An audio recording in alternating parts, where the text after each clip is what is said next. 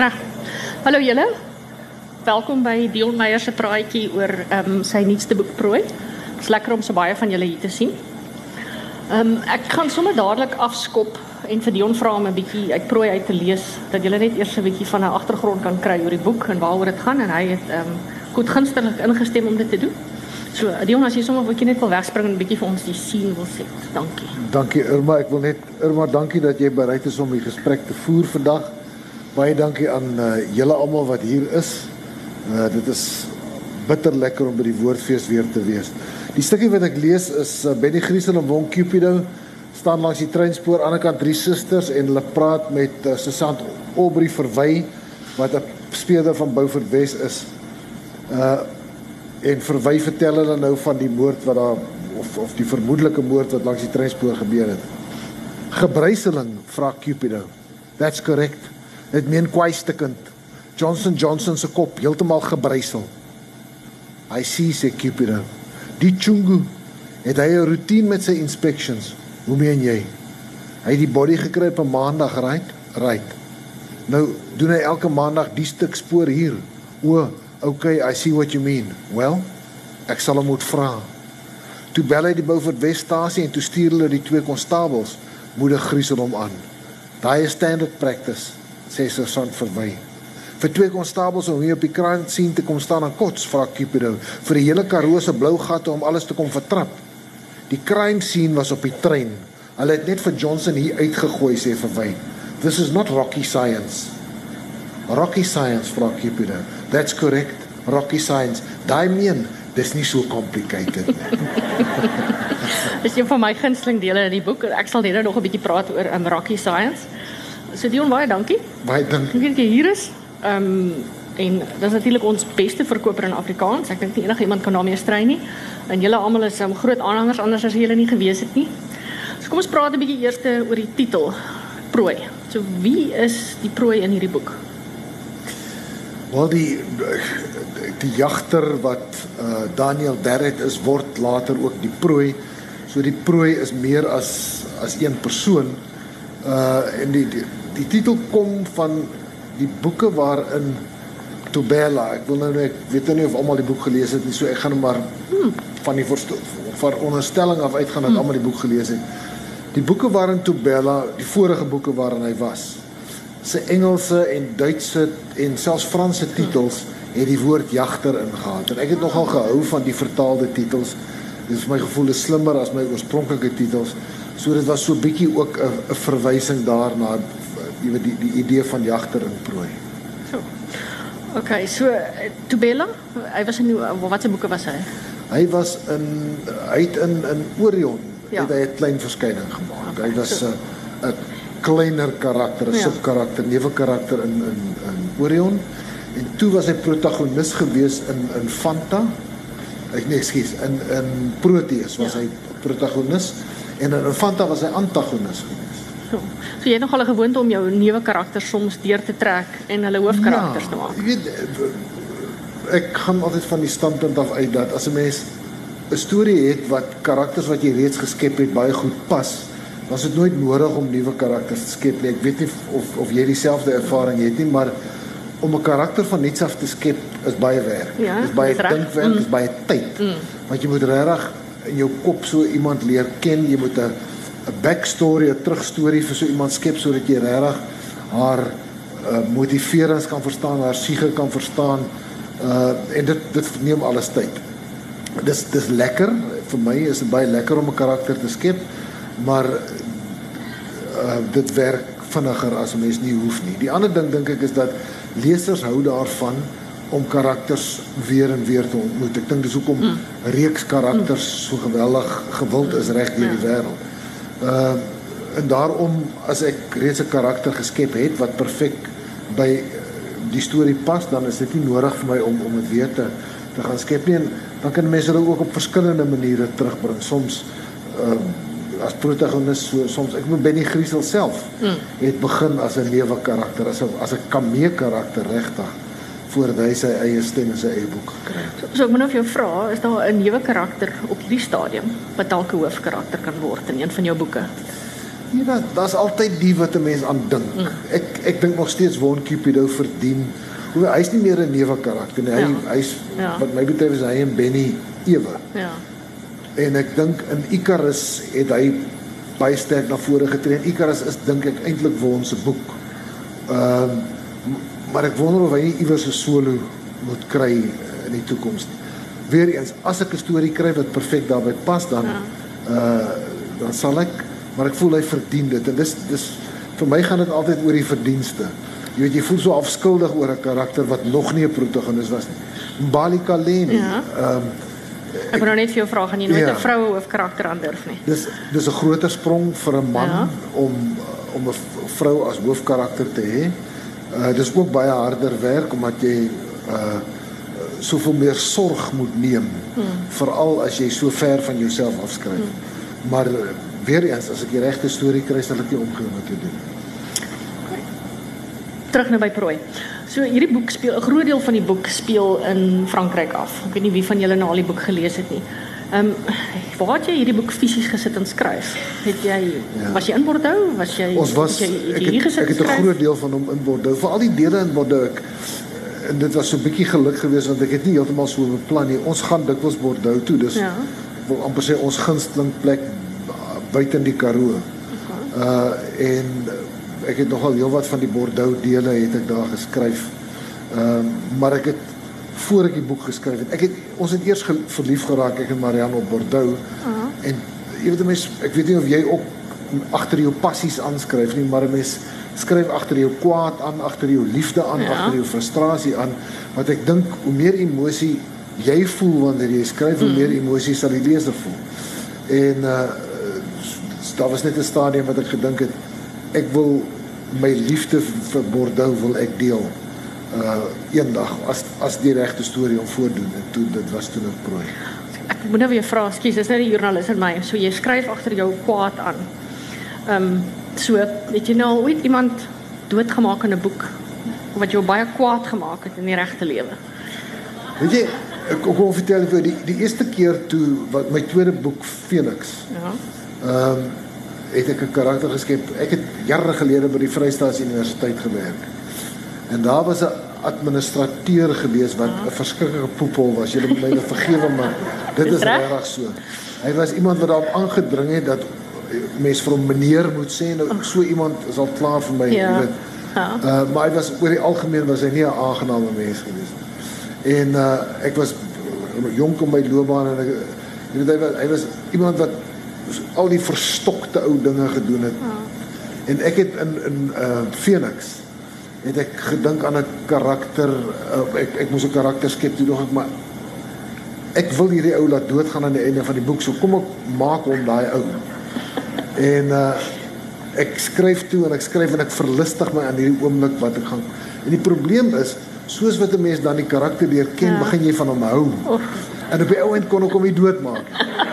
So ek het my woede uitgeskryf maar nee ek het nog nie iemand doodgemaak Wat so 'n lekker storie gewees het as jy gedoen het. Ja. So hier agter in jou erkennings bedank jy terug nou net by Frankryk. So bedank jy uh ek kan nie Frans praat nie van die baie mense van die Franse nasionale polisie en jy was selfs by 'n aftreegeselligheid. Ja. So wat ek nou daarmee bedoel is ek dink as ek reg verstaan is jy baie groot in Frankryk. Ek is nie so vet nie. nee, Frankryk is uh, is my Frankryk en Duitsland is my twee grootste ja. markte. Ek dink Frankryk is 'n kort kop voor op die oomblik.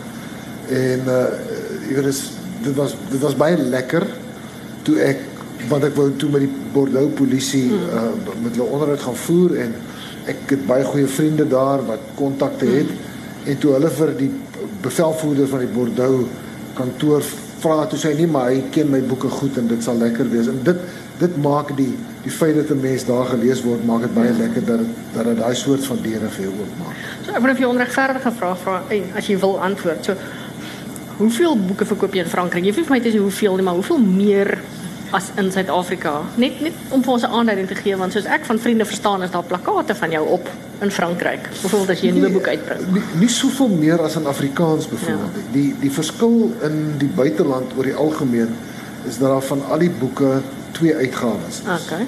Daar's byvoorbeeld in in in Brittanje en in Amerika is daar drie uitgawes. Ja. Daar's die harde band, Ja. die trade paperback, die Ja, ja. grootte soos wat ons boeke hier Ja. in uitkom en dan's daar die paperback. In Frankryk is daar net trade paperback en paperback en ek verkoop so 50000 van elk van 'n Sure. boek. Met ander woorde, kom ons sê tussen 80 en 100000 Ja. per boek. Sure. Maar dan se twee verskillendes en Ja. die paperback is regtig Ja. heel wat goedkoper Ja. voor. Ja. Die tantieme wat 'n mens dan Ja. verdien is ook dienooreenkomstig minder. Uh so in terme van net die trade paperback is dit is daar nie regtig so groot verskil tussen Afrikaans en Frans byvoorbeeld. Okay. Net vir julle wat wonder hoe baie is 80000 dis dis baie. so, Okay. Ehm um, net ek ons kan nou 'n bietjie oor prooi gesels. Net so interessant is alwat terwyl ons nou oor Frankryk praat. So watter land praat die meeste met jou oor jou boeke? Van watter land kry jy die meeste terugvoer? Is dit is dit Suid-Afrika? Is dit ons wat Afrikaans praat? Of is dit is dit ander lande wat die meeste vir jou terugvoer gee? Was baie dieselfde die die die die taal in Duits die die die Duitse en die Franse nie al die lesers is Engels magtig Ja. nie. So ek dink dit is nogal inhiberend uit daai mark uit.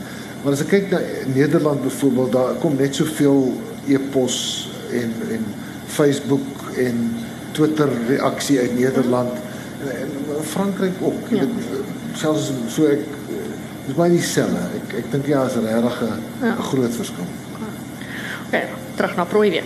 So wie is jou gunsteling karakter in prooi?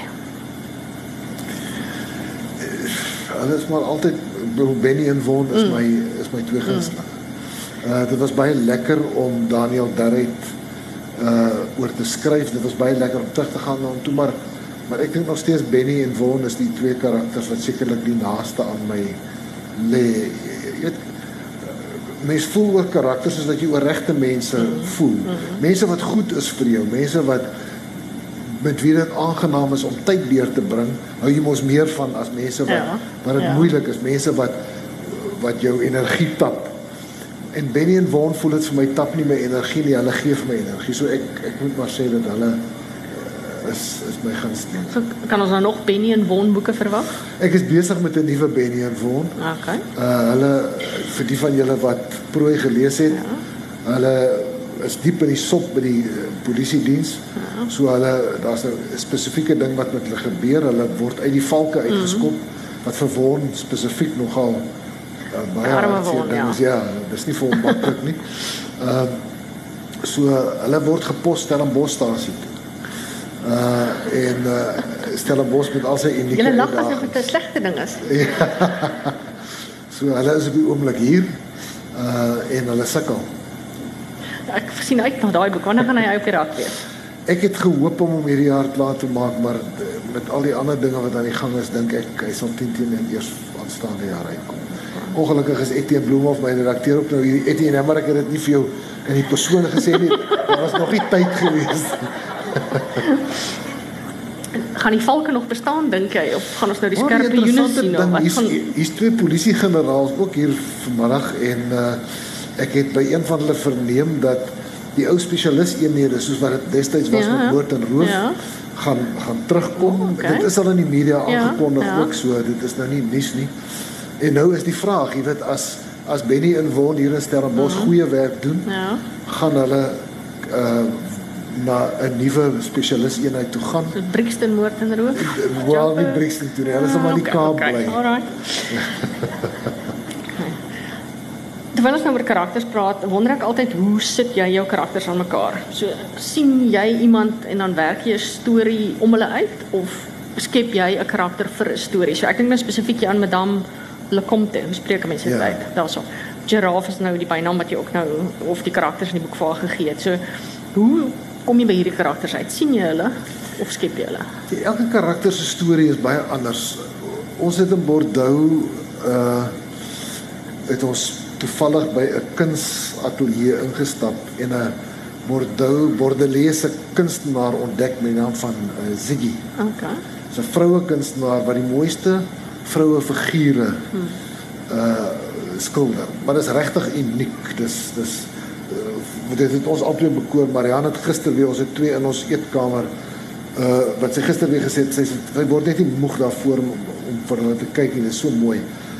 En die vroue die vroue figure het Madame Lecompte geïnspireer. Die lang amper, jy weet 'n 'n 'n kameelperdagtige karikatuur van 'n vrou, maar op 'n baie elegante, ja. mooi manier. Ja, ja. Dis 'n dis 'n vreeslike bekoorlike manier. So dit het dit het Madame Lecompte se se voorkoms geïnspireer. Maar omdat sy 'n kleiner karakter is, ek laat dikwels toe dat kleiner karakters op die manier geïnspireer word. Mm. Jy weet om om hulle te beskryf as iemand wat ek al gesien het wat mm. interessant is. Maar hoofkarakters hou ek daarvan om heeltemal nuut skepings te maak. Ja. Mense glad nie gebaseer op mense wat bestaan nie omdat ek glad nie beïnvloed wil word wanneer ek hulle skep nie. Hulle moet hulle moet regtig mense van so naby aan moontlik vlees en bloed mm. wees as wat ek meeste wat ek kan in staat is om om te doen. So met die kleiner karakters is dit dis is ook 'n tydsbesparingsmeganisme. Ja. Ons sê o, goed, ek wil haar so laat lyk. Dit gaan pret wees of uh, soms sal ek uh, daar's die karakter Henri Lefebvre mm in die in die boek. Uh nou ook met name is vernoem na ek dink ons beste vriend in Bordeaux. Okay. Baie dierbare man. Hy is glad nie autisties nie. Uh jy weet so ook wanneer by name kom wil 'n mens half vir jou vriende so 'n bietjie die kollig op hulle sit okay. en hulle dankie sê, maar dit maak ook die mm. naamgewing makliker. Want naamgewing is nogal vir my 'n ding. Jy weet ek sal dikwels vashak. Mm by 'n naam. Ek kan nie aangaan en ek haat dit om 'n tydelike naam vir 'n karakter te gee. Ek kan amper nie verder skryf voor ek nie die regte ja. naam in van vir die karakter en die kombinasie moet ook reg wees. Ja. Dis nou een van die snaakse simpel goeders wat wat ek het. Ek sukkel om ja. aan te gaan met 'n storie voor die naam en die van van 'n karakter nie reg voel nie. Okay. Woorde het vir my en en veral name en mm. van het vir my 'n 'n emosionele inhoud mm. en 'n gevoelstekstuur okay. inhoud en 'n en 'n weet dan pas inhoud. Jy weet dis dis 'n vormpie waaraan daai karakter se naam ook moet pas.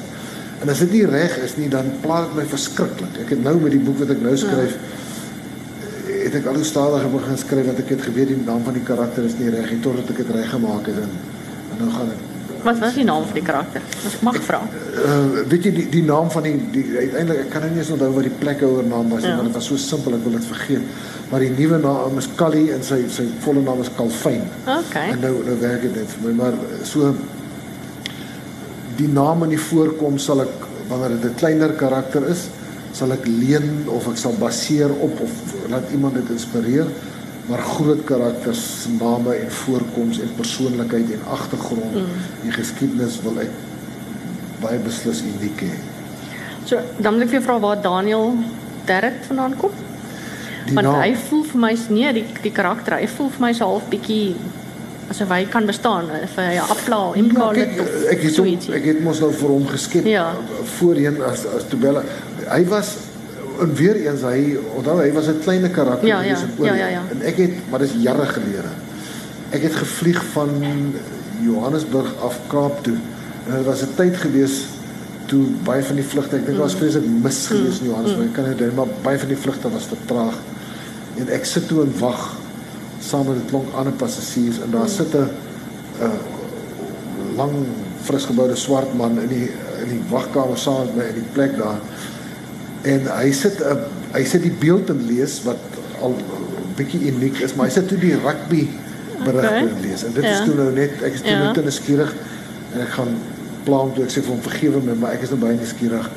Uh swart man wat die rugby blaaie ja. in Afrikaans sit te lees. Toe sê hy Tosa, ja. hy lag toe, hy sê ja, dit is nogal sekerlik uniek. Ja. Hy vertel toe vir my sy storie. Hy kom uit die Oos-Kaap uit. Hy het as kind rugby gespeel. Die rugby kultuur okay. is is relatief groot onder Xhosa mense in die ja. Weskaap. Hy was in, in Konte Wesizwe gewees, hy's toe 'n sakeman en hy het my toe vertel van 'n 'n 'n rugby wedstryd wat hy in Rusland gespeel het terwyl hy daar vir die ANC was. Ehm um, en ek het toe die storie heeltemal verwerk ja. en vergroot ja. vir 'n deel van van Orion 'n storie ja. wat in Orion vertel word. Maar hy hy sy naam was glad nie dit ek het toe moes toelaat ek ja. kon nie sy naam onthou nie ja. maar hy as karakter en die rugby storieetjie het by my bygebly ja. en het ek toe later uh, gebruik so op die manier het hy uh, Tobella geword wat later Daniel geword het So 'n ander uh, iets wat vir my voel amper soos 'n karakter in die boek is, is hierdie Rocky Science waarvan jy nou gelees het. Want as 'n mens nou die boek leer gelees het, dan kom 'n mens agter dit werk eintlik mooi deur van die begin tot die einde op 'n baie elegante manier. So waar het jy aan hierdie idee gekom? En ek wil nou nie te veel weggee van die storielyn nie. Maar het hierdie droogte wat jy gele gehad het jou geïnspireer? Het jy wat wat het gebeur? Weet jy die oor die Rocky Science ek wil bloot net vir die Aubrey verwy wanneer ons hom aan die begin ontmoet wil ek vir hom iets unieks gee en iets prettigs gee. Ja. Sodat want Von Cupido wanneer ons hom hier sien in daai toneel, ja. Von is gatvol. Hy's kwaad. Hy hy het 'n woede in hom wat wil uitkom en nou wil ek nog hom verder tenteer mm. met hierdie karakter. Ja. Uh en die Rocky Science het in daai oomblik gebeur. En toe later in die boek, toe besef ek maar my maskas hier is 'n manier om dit weer, hier's 'n geleentheid om dit weer te gebruik wat ek gedink het wat mm. nog 'n snaakse oomblik kan wees. So dit was absoluut toevallig. Ja. Ek het maar net daai gaping ja. gesien en hom gevat. Ehm uh, die nou moet jy net terug kom ons gaan terug na die vraag toe.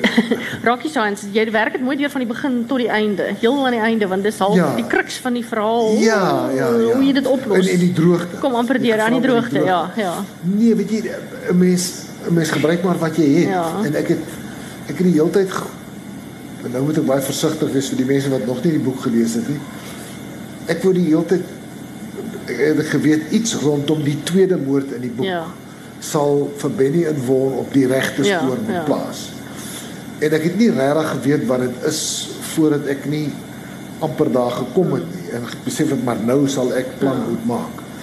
En dan as 'n mens begin kyk na alles en hulle nou nou kan ek nie te veel sê nie, maar die rede hoekom hulle die leidraad ja. gekry het, ja. het ook by ons huis ja. gebeur. Ja. Verstaan jy? So 'n mens werk maar met dit wat voor jou is. Ja. En en dit het vrugte afgewerp so. So in hierdie boek is daar vir my 'n baie goeie balans tussen jou aksie tonele en jou in die ondersoek. So is jy baie gefokus op hierdie balans of werk dit soms uit dat 'n boek 'n bietjie meer ondersoek is en stadiger is of 'n bietjie meer aksie is of fokus jy daarop dat jy ietsie van alles het? Weet jy ek ek dink ek is ek probeer bewus wees van die tempo van ja. die boek. Ek ek kyk nie noodwendig na aksie en ondersoek, jy weet daai die ding van hoe hmm. hoe gee jy inligting aan die leser hmm. om dit opwindend te hmm. doen dit dit alles dink ek moet 'n mens na kyk maar op die ou end hou ek daarvan om 'n bewussyn te hê van die hmm. algemene tempo van die hmm. boek. Ehm um, ons ek, ek sou baie graag wil weet hoe jy ook daaroor voel maar ek ek kan net vir een leser skryf in die hele ja. wêreld en dit is ja. vir myself. Ja ek is die enigste leser wie ek ken mm. en ek ek probeer stories skryf mm. wat ek as leser sou geniet het. Mm. So wanneer ek besig is om te skryf, is ek bewus daarvan dat die tempo dalk nou 'n bietjie stadiger mm. raak vir my ja, smaak. Ja, ja. Ek wil hê die storie ja. moet aangaan. Ek wil ja. nie ek wil ek wil hê daar moet 'n sekere momentum wees en 'n ja. voortstuwing wees. So wanneer ek die gevoel kry dat nou begin dit 'n ja. klein bietjie lankdradig ja. raak, dan weet ek nou moet ek iets te ja. doen. En dan sal ek dan sal ek die vorige paar hoofstukke ja. na kyk en die volgende paar ja. hoofstukke en probeer 'n plan prakseer hoe ja. om die tempo nou te verhoog of hoe om dalk 'n hoofstuk anders te eindig. En dis een van die dinge wat ek het jare gelede ek en Lee Child was saam by 'n kongres in New York gewees. 'n Bietjie name dropping vir julle. en ek en hy praat oor dieselfde ding en hy sê te my een van die goeders wat hy gedoen het byvoorbeeld is hy het korter hoofstukke begin skryf want hy sê dit as sodanig is al ja. klare manier om die en ek het die idee dadelik by hom gesteel. Ja. Volgens hy dis 'n dis 'n wonderlike idee. So so, jy weet, maak 'n mens maar ja. uh, stukkies uh bymekaar van wat jy kan gebruik. So dan kyk jy mens na die lengte van jou hoofstuk en iets iets wat ek persoonlik daarmee gedoen het is om te ja. besef dat wat uh, toe ek begin skryf het, as ek vreeslik bewus daarvan dis half prakties standaard praktyk om elke hoofstuk moet min of meer ewe lank wees. Okay. Maar die laaste paar boeke het ek gedink maar hoekom? Daar's ja. geen reël wat ja. so sê nie. Dit is dit is konvensie ja. in in in 'n in 'n breë sin gesproke. Ja. Maar mens hoef nie. So ja. as ek nou voel maar 'n kort hoofstuk sal nou die momentum aanhelp waar niks anders kan nie dan dan doen 'n mens dit. Maar ek is ek is dink ek baie bewus van ja. van tempo. Die ander ding wat ek dalk daaroor kan sê is dat hoewel ek nog steeds dink ek baie bewus is van tempo, is dit nie meer vir my so verskriklik belangrik om 'n frenetiese pas in 'n boek te hê nie. Ek dink ek het baie ont, meer ontspanne daaroor geraak soos wat ek ja, ouer geword. Want jou 7 7 dae in 13 uur was byvoorbeeld dit was soos was, ja, dit was vinnige ja. vinnige pasboeke. Die ding is ek dink ek vind dit onmoontlik om weer 'n boek soos 13 uur te skryf. Ja. Ek dink een keer in 'n mens se loopbaan kan jy so 'n boek ja. skryf.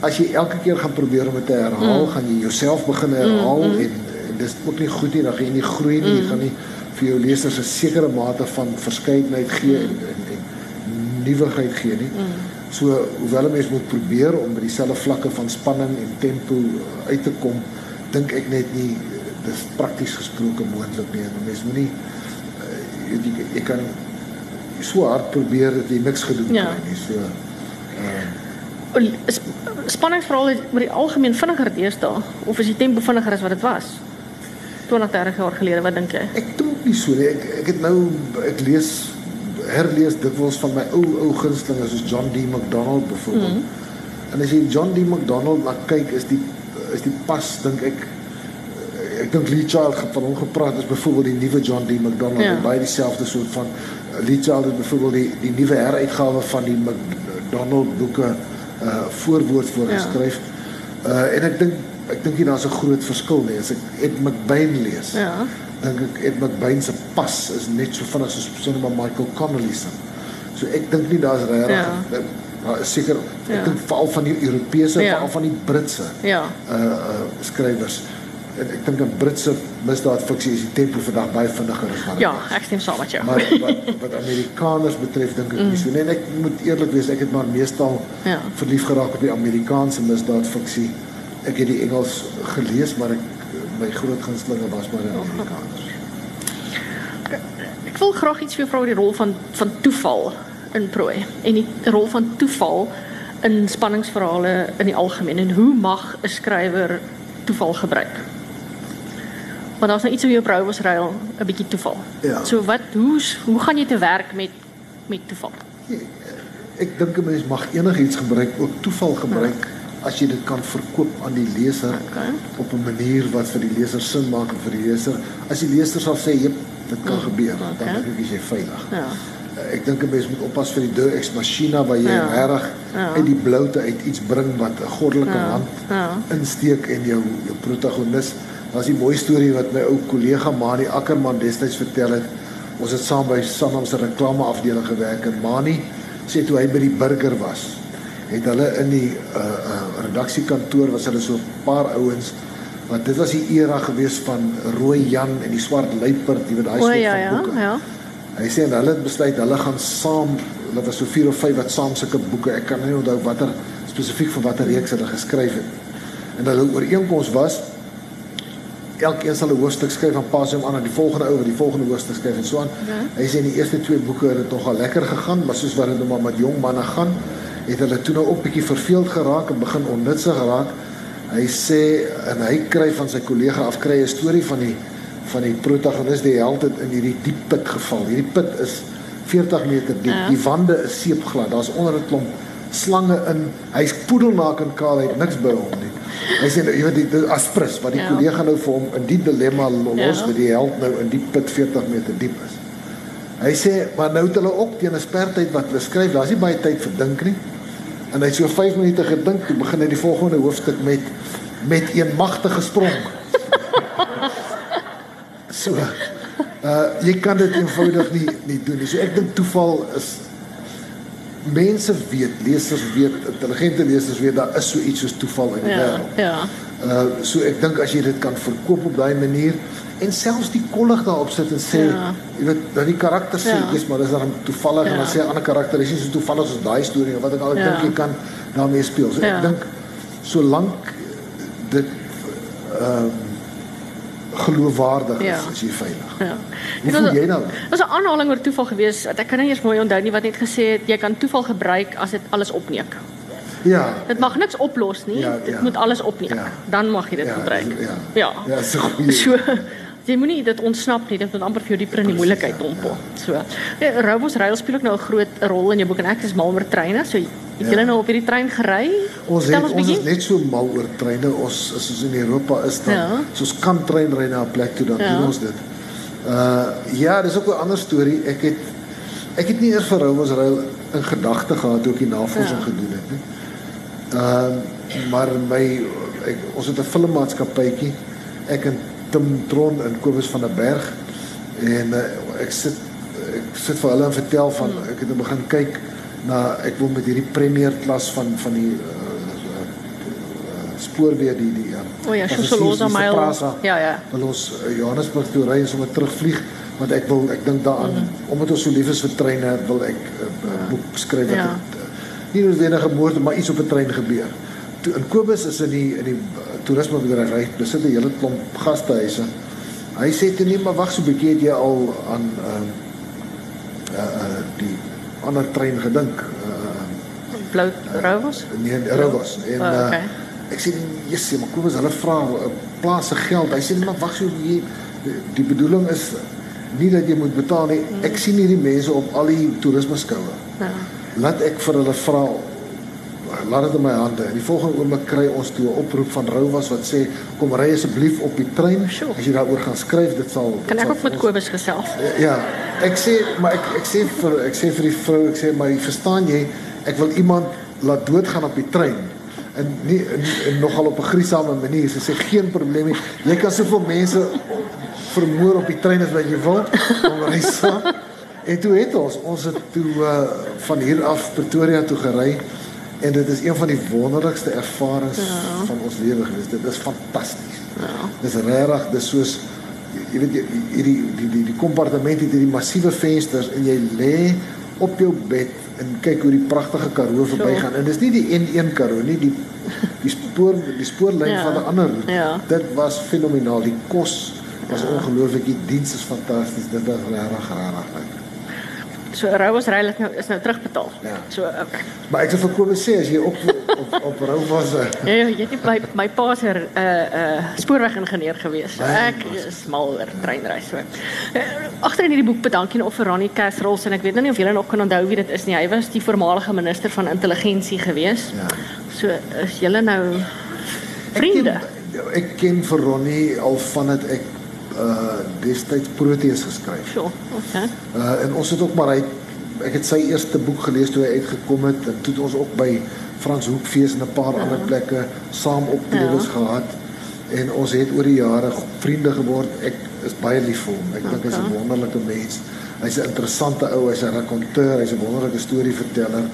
Uh so ja, ek is bly om te kan sê ek en Ronnie is penne as ek reg onthou is Ronnie nou, kom ons sê net maar as nou twee politieke kante en Ronnie is nou aan die regte kant. Hy was aan die ja. verkeerde kant. So het jy enige politieke terugvoer op hierdie boek gekry? So, jy weet, is daar nou ja. is daar enige politieke terugvoer? Ek het een e-pos gekry van 'n ou wat vir my my dit naamloos gestuur. Wat my altyd interessant is. Om te sê hy is siek en sat vir my politiek in al my boeke. O, okay. En hy het nou net vir prooi op die op die braaivleis vuur gegooi en as hy hier op staan gaan hy my ander boeke op op die braaivleis vuur gooi. Toe skryf ek vir hom terug en sê vir hom nee baie dankie vir jou vir jou eerlikheid en weet jy jy het vir die boeke betaal jy kan met hulle doen net wat jy wil. En, so niemand was ontstel dat jy die president wou vermoor nie. Jy weet nie jy kry nie deesdae so 'n flikkering op jou telefoonlyn of Nee, uh, nee, ek ek ek dink die vorige president is nie 'n groot leser nie, so ek is ook nie vrolik. So 'n bietjie gekoppel daarna aan. So as jy mens nou hierdie boek lees op 'n stadium het, het, het ek dink Won en Benny 'n gesprek oor Suid-Afrika en die toekoms van Suid-Afrika. Is jy nog positief oor Suid-Afrika? Ja, ek, ek ek moet eerlikwaar sê in die Zuma jare was was ek baie pessimisties. Ek jy weet wat vir my baie moeilik is is dat ek het ehm uh, so verskriklik hard gewerk in die buiteland om ons land te bemark. In die eerste plek as 'n toerisme bestemming. Jy weet rondom uh, is en ek ek het dit gedoen omdat ek wou, omdat dit vir my lekker was, omdat ek so hierdie land so passievol liefhet. Maar rondom die wêreldbeker het ek in Europa TV-onderhoude en media-onderhoude, radio-onderhoude gedoen tientalle waarin die joernaliste druk op my gesit het om te erken dat dit 'n totale mislukking gaan wees. Hoe kan Suid-Afrika mm. hierdie aanbied? En jy weet kwetsend vrae gevra en ek het onder geweldige druk het ek bly sê Suid-Afrika 'n wonderlike land, ons het 'n fantastiese regering, dit gaan goed in die land ensovoorts. En so het ek deur die jare, jy weet dat ek ek glo dat toerisme is die engine van hierdie ekonomie van ons, dis ons grootste verdiener van buitelandse valuta. So ek het myself as 'n as 'n een man bemarkingspan van ons toerismebestemmings gesien. Ek het oral in die wêreld waar ek gaan, het ek elke boek ding afgesluit. Ek het altyd gevra vir 5 minute aan die einde en ek doen dit nog steeds om om vir mense in die buiteland te vertel van hierdie wonderlike land, Ja. hierdie mense wat ons het, hierdie pragtige, jy weet, bestemming. So en ook toe Zuma aan bewind gekom het, is ek gevra oor hom op uh, skerp vrae, uh, neerhalende vrae. Mm. Ja, maar hy's 'n man met geen geleerde nie. Hoe kan mm. hy gesê maar jy kan nie met so eurosentriese blik na, na ons kyk nie. Gee vir Zuma 'n kans. Jy weet so ek het voel ek het ook opgestaan vir hom. En daarom was ek so kwaad toe hy so 'n skirk mm. uitgedraai het. Uh, en en die skade wat hy gedoen het. Ons het almal so hard gewerk in hierdie land om, mm.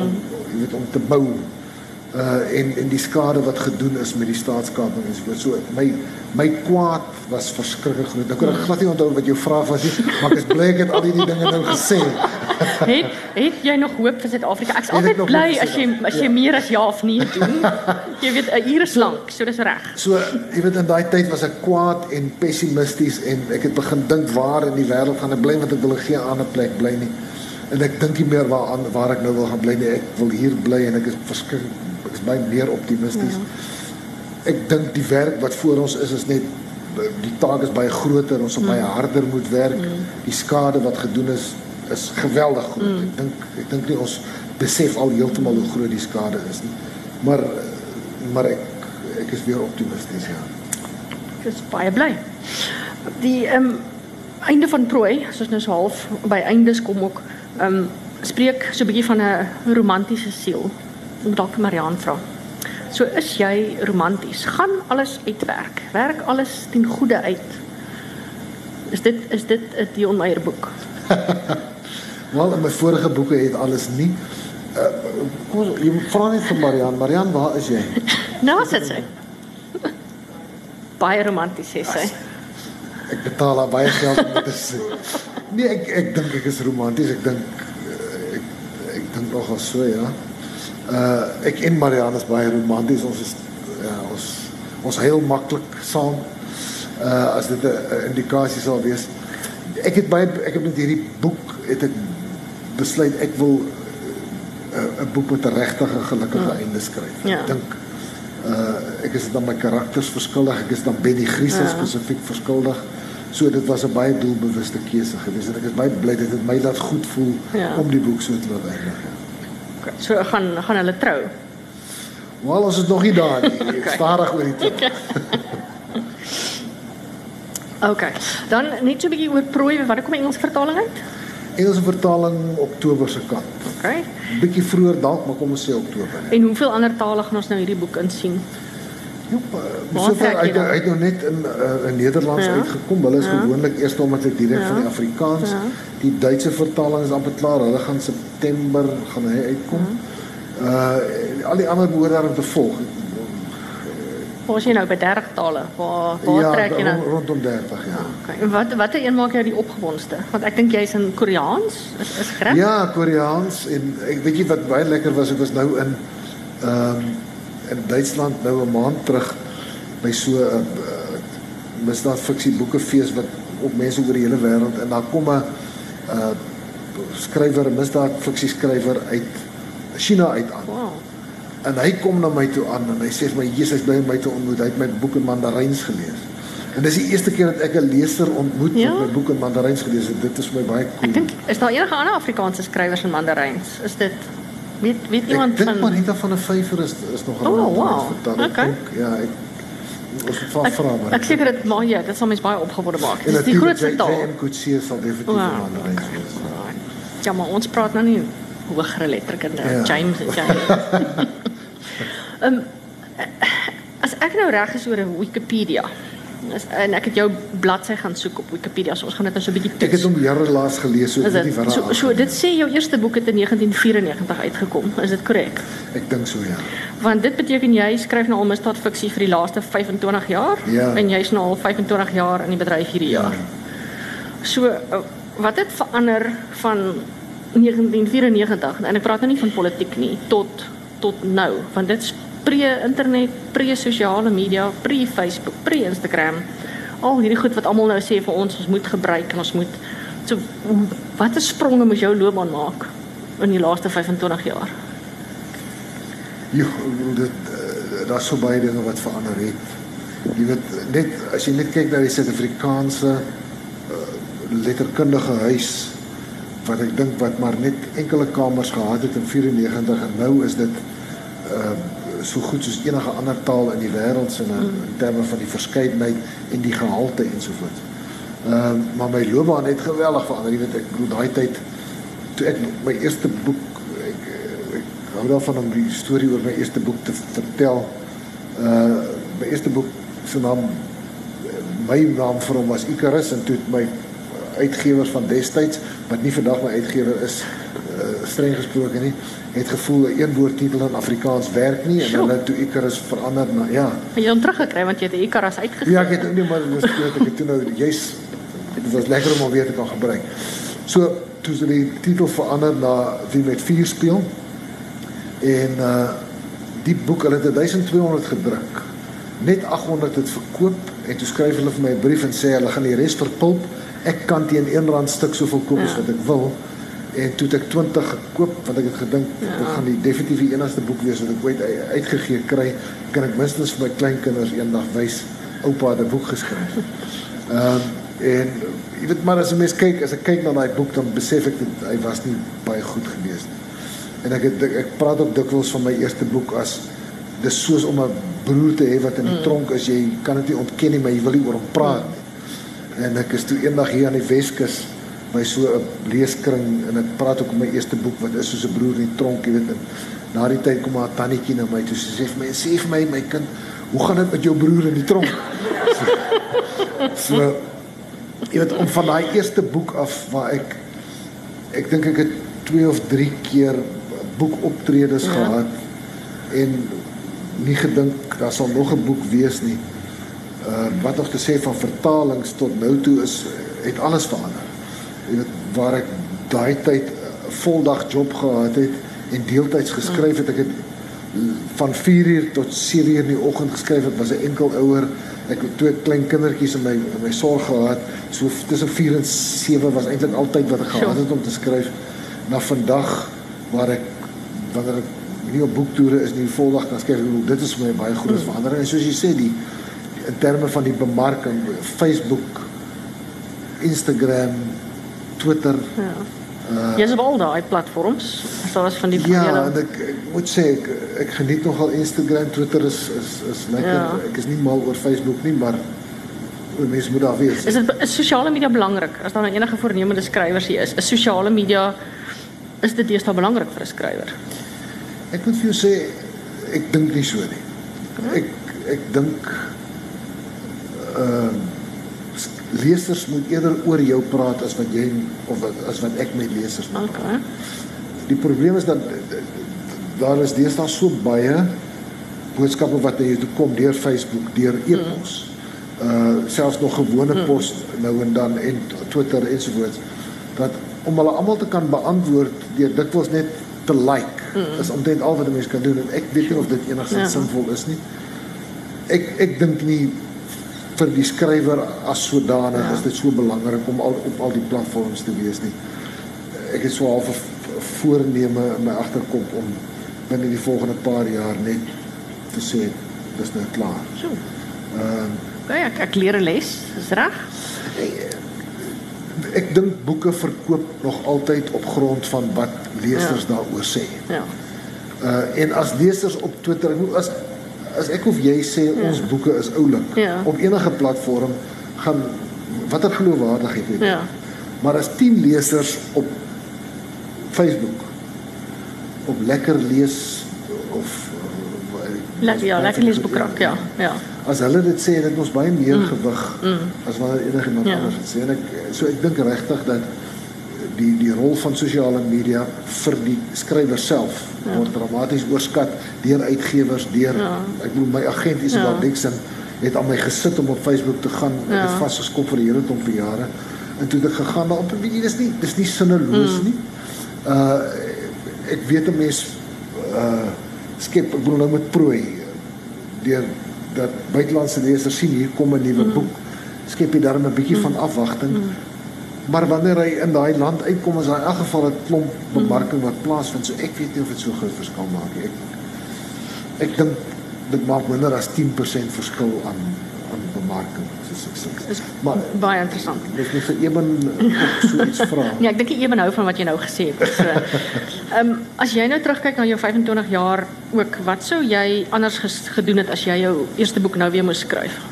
Is daar iets wat jy sou anders ek weet mense kan nou terugdink en wys wees wat slim wees maar ek bedoel wat wat sou jy anders gedoen het wat sou jy verander het in daai boetie in die tronk ek wil ek sou in die eerste plek 'n ordentlike boek geskryf het as hy eerste een weet jy ek, ek sou niks verander het nie want ek dink jou reis is jou reis mm. ek dink is belangrik ek beskou skryf as 'n lewenslange mm. leerproses mm. ek gaan nooit ophou met leer skryf mm. Ek hoop dat elke volgende boek beter mm. sal wees as die volgende ja. ene en ek dink as jy hard ja. werk en fokus ja. daarop dan is dit moontlik. Ja. Ek is bly dat my eerste boek wie met vier speel was en dat hy maar vrotterig ja. was want dan minstens kan 'n mens van daar af net opgaan, jy weet. Ja. Ehm ja. um, so elke les moet 'n mens leer.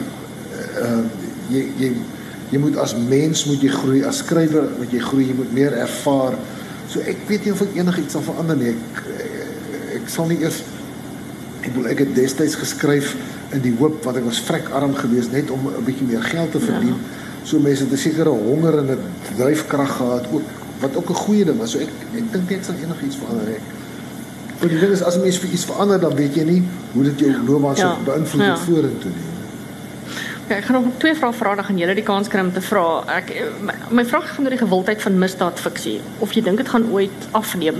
Want ek sien young adult fiction soos hulle wat nou dit nou noem is besig om te taan die aanhang daarvan is besig om te taan in Brittanje. So hulle het baie minder boeke van daai tipe boeke verkoop as wat en ons het al hierdie Hunger Games boeke gehad wat is baie gewild.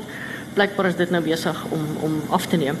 So is misdaadfiksie op dieselfde pad of dink jy dit gaan nou? Dis baie interessant is om te weet wat young adult wat die redes is agter die afname in in young adult fiksie. Ek wonder of dit nie te doen het met die feit dat kinders van daai ouderdom se uh, vermaak uit ander bronne deesdae kom. En ek dink dis die enigste rede hoekom misdaad fiksie byvoorbeeld in boekvorm kan taan is omdat net maar Netflix en, mm. en en die soort van ding. Mm. Maar as ek kyk na die die gewildste reeks op Netflix dan mm. is dit misdaad. Mm. Of regte ja. uh, ware mm. misdaad of of misdaad fiksie. So misdaadfiksie in die breë dink ek sal nooit mm. omdat dit gaan oor lewe en dood, omdat dit mm. gaan oor ons inherente verlange na strewe na mm. smagting mm. na reg, regverdigheid mm. na geregtigheid mm. dink ek nie dit sal as 'n breë genre ooit mm. taan nie. Uh daar sal maar altyd mm. siklusse wees, maar ek lees nou al misdaadfiksie vandat ek 14, 13, 14 mm. jaar oud is. Mm. Uh so vir meer as 'n half eeu hou dit. Uh ek kan nie dink dat dat dit sommer so. Jy praat nou van Netflix, jou reeks trekkers. Wil jy bietjie meer van vertel? Ja, ek, ons is nou baie hard aan die werk daaraan. Hulle skiet op die oomblik. Uh dis 'n koopproduksie tussen Mnet, HBO van Amerika en ZDF HBO van HBO het ook Game of Thrones gedoen, hè? Ja. Net dat jy weet hoe groot HBO is. uh ja, dis dis 'n verstommende ek ek het nou hierdie telefoonkonferensies met HBO. Uh daar's van hulle mense in New York en almal in LA en elke keer as ek klaar met die telefoonkonferensie was dan gaan ek nou Marianne toe sê ek van Jesus dit was nou cool gedoen. dit is dis is vir my verstommend dat, dat ek die geleentheid kry om om dit te ervaar die manier hoe hierdie ouens goeders doen die vlak waarteen hulle goeders mm. doen. Ehm uh, kom ek gee vir jou net 'n voorbeeld omdat een van Game of Thrones se episode op die internet gesteel is, het HBO nou uh vlakke van uh sekuriteit. Ja. So elke dag as as die filmspan klaar geskiet het, dan laai hulle op HBO se bedieners ja. wat nou iewers in die wêreld sit. Maar vir my om dit te kan sien, moes ek 'n stuk programmatuur aflaai wat spesiaal vir HBO geskryf is. Ja. En ek moes 'n twee vlak sekuriteitsding deurgaan. So el, en elke keer wat ek wil kyk, ja. moet ek my gebruikernaam, my kodewoord plus dan nog op 'n app op my foon gee vir my 'n spesiale kode om die dag se goedes te kan kyk. So. En net daai vlak is al klaar vir my so indrukwekkend ja. en so cool om om dit te kan te sien. Maar dis 'n ek dink dit gaan later Nee, gaan vroeg volgende jaar gaan dit op Mnet wees. Okay. En op ZDF, HBO, ja. dit is nog geen finale datum ja. van wanneer hulle dit gaan uitsaai nie. Ehm uh, en dis meestal Suid-Afrikaanse uh akteurs en aktrises, wonderlike mense, maar ons het gister eergisteraand het ons weer met HBO gesels en daar's een Amerikaanse akteur wat op die nippertjie is om te teken en ek dit is nogal 'n groot vis. Moet jy vir ons sê nie? Gaan van ek mag. Dit ons bly tussen ons. Mag nie, ek mag nie. Hier's mense van die media, ek sien vir hulle. Okay, ekskuus ek het so lank gepraat. Is daar enige vrae wat jy graag wil vra vir Dion? Daarso. Ek weet nie, ek weet nie wanneer ek gaan klaar wees nie. ek ek wil eintlik net interessant uit en ek wil net sê oor hierdie is 'n wonderlike gesprek. Julle het so lekker gepraat. Ek het heerlik gesit en luister. Maar toe hulle nou praat van trekkers, kon ek nie weerstaan nie. Trekkers is natuurlik die Engelse titel van spoor. En ek wil net eintlik vir die gehoor sê die raakpunt tussen die twee skrywers wat daar voor sit.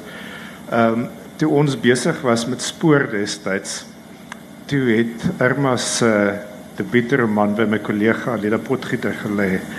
En 'n interessante ding is jou werkstitel was teorie van chaos geweest, skus tog. En in spoor is dat hierdie fiktiewe titel 'n teorie van chaos en waar Dion beweeg het van Icarus na wie met vuur speel is dat hierdie terugbeweeg uiteindelik as ek reg onthou het teorie van chaos toe skoenlapper geword.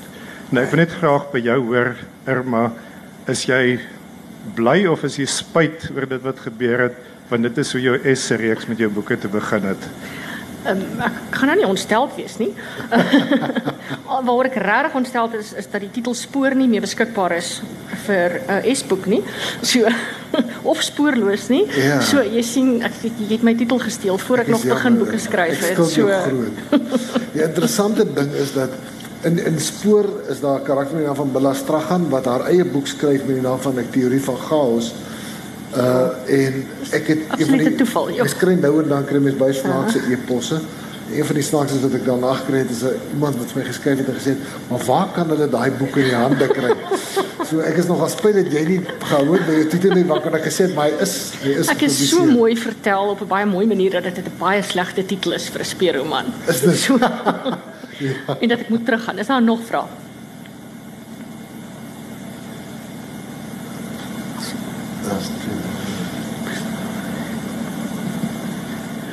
Baie dankie, dit was baie insiggewend en ek geniet jou boeke baie. Een van die boeke wat ek die meeste geniet het was Koors. Gaan daar nog 'n gaan daar nog iets soos Koors wees? Weet jy, uh jy sien tweede iemand gister op Twitter ook gevra. Koors, daar's 'n opsie op die filmregte geneem deur 'n Britse produksiemaatskappy. Uh en hulle is besig met die ontwikkeling nou ek wil nou nie te lank aangaan oor maar die proses wat dit volg voordat sê nou maar 'n TV-reeks word is nogal 'n lang ene want hulle moet nou eers die eerste episode skryf en 'n sinopsis doen en dan moet hulle regisseur en 'n paar akteurs kry om te sê hulle sal aan die projek deelneem en dan gaan hulle na uitsaaiers toe om die geld te kry. So daar's nog baie wat kan verkeerd gaan en miskien gebeur dit nie. Maar as dit gebeur sal ek definitief 'n opvolg skryf. As dit nie gebeur nie, sal ek moet sal ek dalk nie dadelik daarop fokus nie en dan dan sê ja, die antwoord baie meer tentatief miskien. Dis die beste wat ek nou kan doen. Maar dankie dat jy daarvan gehou het. Dis 'n vraag gewees hier voor. Wil jy dieselfde gevra? Koers is een van daai baie polariserende boeke gewees wat mense dit of gehaat het of mal was daaroor. Dit lyk vir my daar's iemand wat lou lou gevoelens oor die boek gehad het. Ehm uh, baie dankie. Ek hou van speurverhale oor die algemeen. Ek hou van Dion Meyer baie. Ehm um, maar jy het net nou aangeraak dat die die die pas is 13 uur is is is 'n verskriklike pas om teen te skryf en uh maar dit val my ook op dat uh die boeke die be, meer bekende skrywers baie keer hulle boeke begin uittrek kan ek amper sê die soos Benny Griesel en sy girl nou bietjie so 'n draai geloop het in prooi. Uh maar is daar druk tegnies druk op die skrywers om vir 'n sekere mark 'n langer boek te skryf? Uh, uh want dit dit ek meen as jy nou kyk Jeffrey Deaver en al die ander ouens dit dit lyk so half en jy begin baie keer eintlik twee verhale in een skryf. Nou is dit is dit tegniese druk om langer verhale te skryf of nee glad nie. Geen uit geen een van my uitgewers het al ooit vir my gesê 'n boek moet so lank wees nie. Uh ek weet nie. Nee, nee, ook nie. Net soms is dit te kort. Ek dink dit mag nooit te kort wees. Ja, sê altyd maar, maar, maar boek, is, ja. Ek dink het jy omtrent 160 bladsye is soort van die maar ek bedoel Ja, dat is standaard. Nee, ek het nog nooit ek bedoel my my boeke is gewoonlik hier by 400 plus bladsye, so ek het baie ruimte. Ek skryf maar die stories soos wat ek dink hy werk. Daar's as geen druk tegnies op andersins op enige manier nie.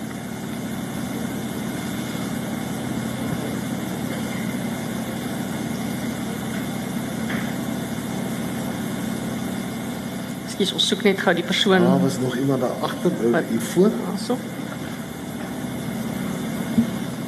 Ekskuus, ek uh, spring nou voor iemand daar agter, jammer.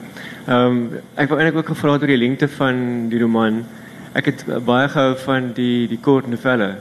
Oorweeg jy nog 'n novelle een of ander Nee, ehm um, die dit is nogal lekker om 'n novelle, dit was my interessante uitdaging geweest en dan is mens regtig in staat daartoe om die pas redelik vinnig te hou.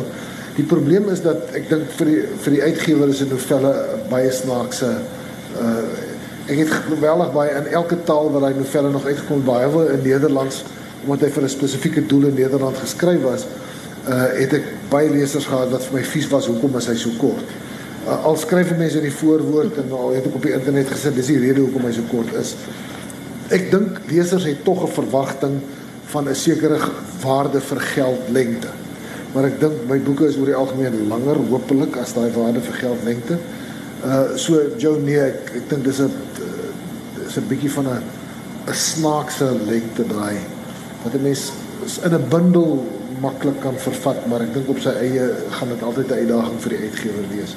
Ek het so half die gevoel gekry dat al my uitgewers het dit as 'n welwillendheid behalwe vir die Nederlanders eh, vir welwillendheid ook uitgegee. Uh omdat ek dink dit is dalk moeilik om die ekonomie van skaal op vir so 'n kort boekie te laat werk. Jy weet nie of dit nie. Okay. Is nog 'n handie voor? Hierso is Ja, baie dankie. Ek uh, ek waardeer hier agter.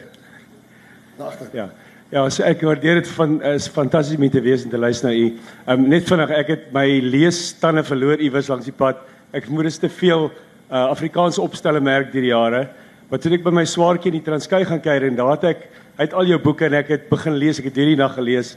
En uh, ja, So ek het ja, so ek het baie uh weet heen en weer gelees, die kraak in in die, die volgorde, maar wat ek wat ek gevind het, wat ek nog bespreek het is ek dink wat my teruggekry by lees wat ek geniet het was die ek noem die voorstuwende pas van jou van jou skryf.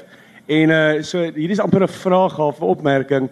Jy weet, uh dis my asof jy weet die karakters en die aksie is dit wat die ding voort voortstuur en die sonsonder wat vir 'n halfuur lank beskryf word in elke bladsy is al weg en dit is miskien ook wat my gehelp het.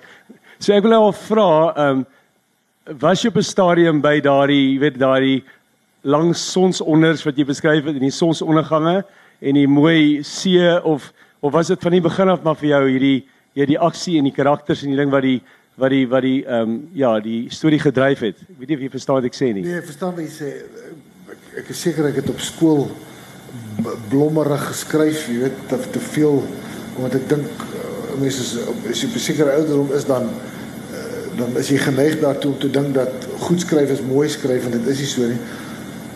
Maar ek toe, toe ek begin ernstig skryf het uh, om te publiseer skryf 'n mens maar agter dit wat jy gelees het aan. Uh, jy weet as jy misdaad fiksie boek skryf, dan probeer jy ek dink alle skrywers sal dit sal dit erken as hulle eerlik is, dan naap 'n mens maar die mense wat jy die meeste bewonder het. Ek het uh, absoluut vir John D. McDonald en vir Ed McBain genaap in my in my vroeë werk totdat ek gevoel het ek het daarmee so 'n bietjie van my eie stem ontwikkel en nie een van hulle het ooit oor sonsondergange, jy weet, of vreeslike beskrywings nie. Ek dink dis 'n aard van die genre. Ek dink as 'n mens in die genre skryf dan skryf jy so op die man af en op die storie af as wat jy kan. Ehm um, maar as as 'n mens onervare is dan dan gaan jy nog sekere skryffoute maak, maar ek hopelik is dit een van die min dinge maar en ek my nie skuldig gemaak het nie is is mooi skryf of blommerig skryf. Uh Etienne en ek werk nou al saam van uh Phoenix af my tweede boek. Etienne is, is dit een van my sondes gewees in my in my jong dae? Etienne sê nee. Dankie Etienne. Dis hoekom ek jou die groot geld betaal. Hallo Yes. Dion, hallo Irma. Ehm ja, ek en Etienne het ver oggend met die kurator van die Christo Kutse Galery in Tilburg gepraat en hy het gesê dat van sy staf ehm um, het probeer om die Christo Kutse's op straat te verkoop. So ek het net gewonder, het jy al ooit oorweeg om 'n tipe Thomas Crown uh 'n fee karakter te skep rondom 'n um, kunstdief, uh, rondom 'n Ja. groot skildery wat verdwyn.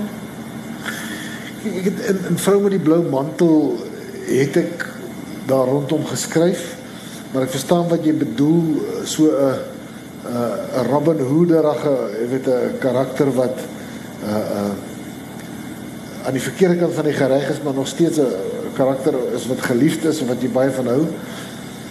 Ek dink in Suid-Afrika is dit 'n moeilike ding om te doen. Ehm um, so nee, nog nie ernstig oorweeg nie. Stearns wat dalk so Ja. geheimsinnig kan verdwyn. Kyk, as baie skilderye wat ek graag self wil steel, maar uh nog nie aan so 'n karakter gedink. Okay, ek kry die boodskap van agter dat ons moet klaarmaak. Ehm um, so daar's boeke te koop. Al die ons se boeke dink ek baie van dit. Net as jy hier uitgaan by die boekwinkel, hy gaan egter net 'n foto neem en dan kan jy hom pla soveel en solank as wat jy wil vir vir uh, handtekeninge ensovoort. Baie dankie dat julle hier was. Baie dankie. Dankie vir jou, uh, maar jy was fantasties. Baie dankie. Dankie julle.